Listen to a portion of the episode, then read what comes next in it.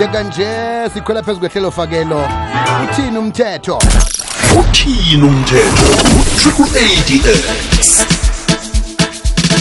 sikhambisana noligqwetha ujabulani wakwamkhwanazi. Lotsha mkhwanazi.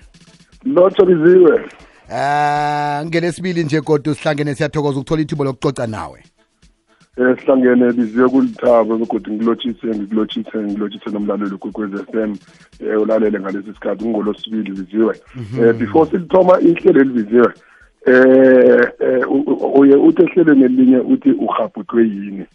Nasa indaba elapha ekosini um kama udoktor u-ester mahlangu mani eh la abangene khona beba um abangezwako bathatha biziwe. Ayisinto ehle hle eh siyayikhalima sibabantu bomthetho biziwe and umuntu ozokutholakala biziwe eh enze leya into eyenze lapha kuzoba unfortunate biziwe umthetho uzokudlala indima yawo and uzozithola azisola ngaleso sikhathi. Siyayikhalima into enjengale biziwe eh ayingenzeki mara ekugcineni uzokutholakala yena. Yasayikhalima ngoba into embihle kodwa nangathi uyaqala uyabona ukuthi eSouth Africa sesiphila njani? Ugogo una 87 eh ugogo eh ungenelwe babantu eh begodwa wabethwa. Iphase sesiphile esesiphila kilo mina ngiyarareka ukuthi ubuntu kanti bayapi awumboni ukuthi lo ngaba ngumakho awuboni ukuthi lo ngaba ngugogo wakho ithini? Na unandi ubuyelela ubethe umuntu omkhulu kangaka? Injalo biziwe injalo biziwe nalokho akuyiwa ekhotho um nasebakhipha i-sentencing yakho kubone um lokho nabakhipha isigwebo sakho. Izinto abazibalako zonke lezo ungene lapha um kuma oneminyaka emingaka uhlala yedwa ne-status sakhe mosiyakhawunta khulukhulu um nebenza i-sentencing ukuthi umuntu obaluleke kangangani um emphakathini. Nezehlakalo lezo wena ozenzileko um zokuthi umbethe amdala kangaka na.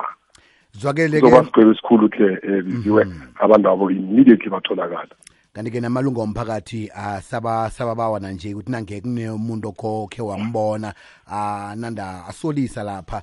Chinge emapholiseni ukwazi ukuthi-ke eh, indelesi lezi zitholakala. Umthetho noking b. Namhlanje sisicoca ngendaba eh yokuthi webe ungakahlosi. Accidental shoplifting iyini? Um biziwe siyazi bona i-shoplifting khulukhulu kulokho umuntu eba esitolo. Um azenza nofana aphithena ngasuthi ulicustomer kanti ngaleso sikhathi azenza i-customer um ngaso um uyeba. Mara-ke um ayekenzeka esinye isikhathi biziwe uthi ufaka etrolini leya yesitolo um izambatho nofana izinto ozithengayo. Zibe ziningi biziwe kube nama-item amanye amancane engenzeka afihleke kula amakhulu. Ngesikhathi othi uyobhadela ngaso kubhadeleke le i-item um ekulu kanti le encane ifihleke kule ekulu. Uthi na uphuma isitolo um kube unfortunate ukuthi isitolo leso ngileso sithi na uphumako um kulile umchini loya nofana kube kula i-security elikhikha khona ama-item owathengileko bese bathole ukuthi hawa i-item eyi-one nofana ayi-two akakabhadelwa la.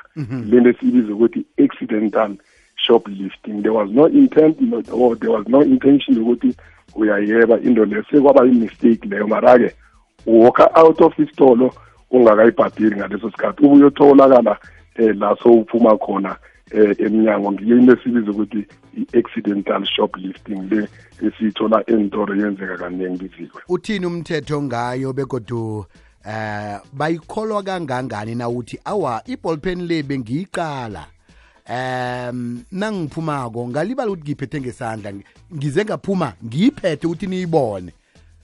Nangithi ngiphume emnyango iyalila bakholwa kangangani ukuthi into South Africa eh. shoplifting i-crime and iyapunishwa iyaprosecutwa ngaso sonke isikhathi na uyenzileko vele uyabotshwa mara-ke lokhana uthi i-accidental kumele ngaso soke isikhathi uprove ukuthi the bengana-intention yokweba kube i-mistake obana ngiphume nayo. Awukwazi ukuphuma nayo la sebakubambe khona ngaphandle so nofana sowuchajiwe uthi mina bengithi um ngenza i-mistake ngaphuma nayo. Ngaleso sikhathi kumele kube awunayo i-intention yokweba mara kube i-mistake lokhana uphuma nayo nabakuthola uphuma esitolo. Ngibale indaba yama-item mhlambe um afihleke ngaphakathi. Akuna-intention lapho biziwe and kuyabonakala. Lokhana sowumuntu ongena esitolo wayifihla into leyo une-intention yokweba um ngaleso sikhathi. Na uphuma nayo soyifihlile bayithola ngaphasi kwamabhurugu kuzokuba yinkinga sokuyi-shoplifting leyo.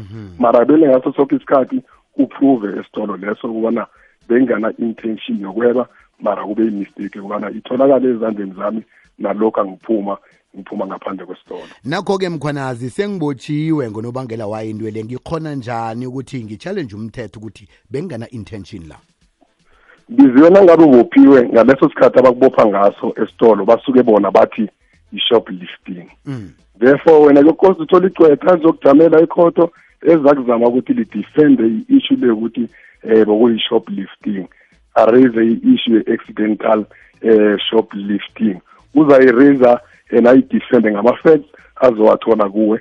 Nangekamera le ekhona mosentolo um ebayifakileko isitolo sizokuvela siveze ikamera siveze bona vele i-intention yakho bekukuphuma eh naleyi item ongakayibhadeli. Mara nangabe ufuna ukuyidefenda isitolo sesilethe la ekuthenini i-shop lifting la esebakuchaje khona bakuprosecute khona uyokumele uthole iloyara ezokhona ukukujamela ukuthi liveze bona ungana intention yokweba ngaleso sikhathi okuyi-accidental. Sesivala-ke um, mkhwanazi siba amaphuzu aqakathekileko umlalela afana watsheje um nenomboro zakho zomtato biziwe kuyenzeka esinye isikhathi ukuhambe nomntwana esitolo. Umntwana afune i-item ihlale ngakuye esandleni eh angafuni ihlale etrolini. Kuyenzeka kwenzeke i-accidental shoplifting ngaleso sikhathi. Mara abanye abantu haye bayenze ngabombiziwe banikele lo mntwana i-item benze ngasuthi yi-mistake ukuthi umntwana uyiphethe ngakuye kanti uyayeba ngaleso sikhathi. Kuyokubanjwa wena mzali obambise umntwana lo akuyokubanjwa umntwana lo. I-shoplifting leyo iphelele. Biziwe bangithola inomboro elelula de ethi 071 30 27 637 071 30 27 637 sithokoze mkhona sakhuluma kodwa ngelesibilo zakho nakanjani biziwe uthini umthetho ku-triple 80x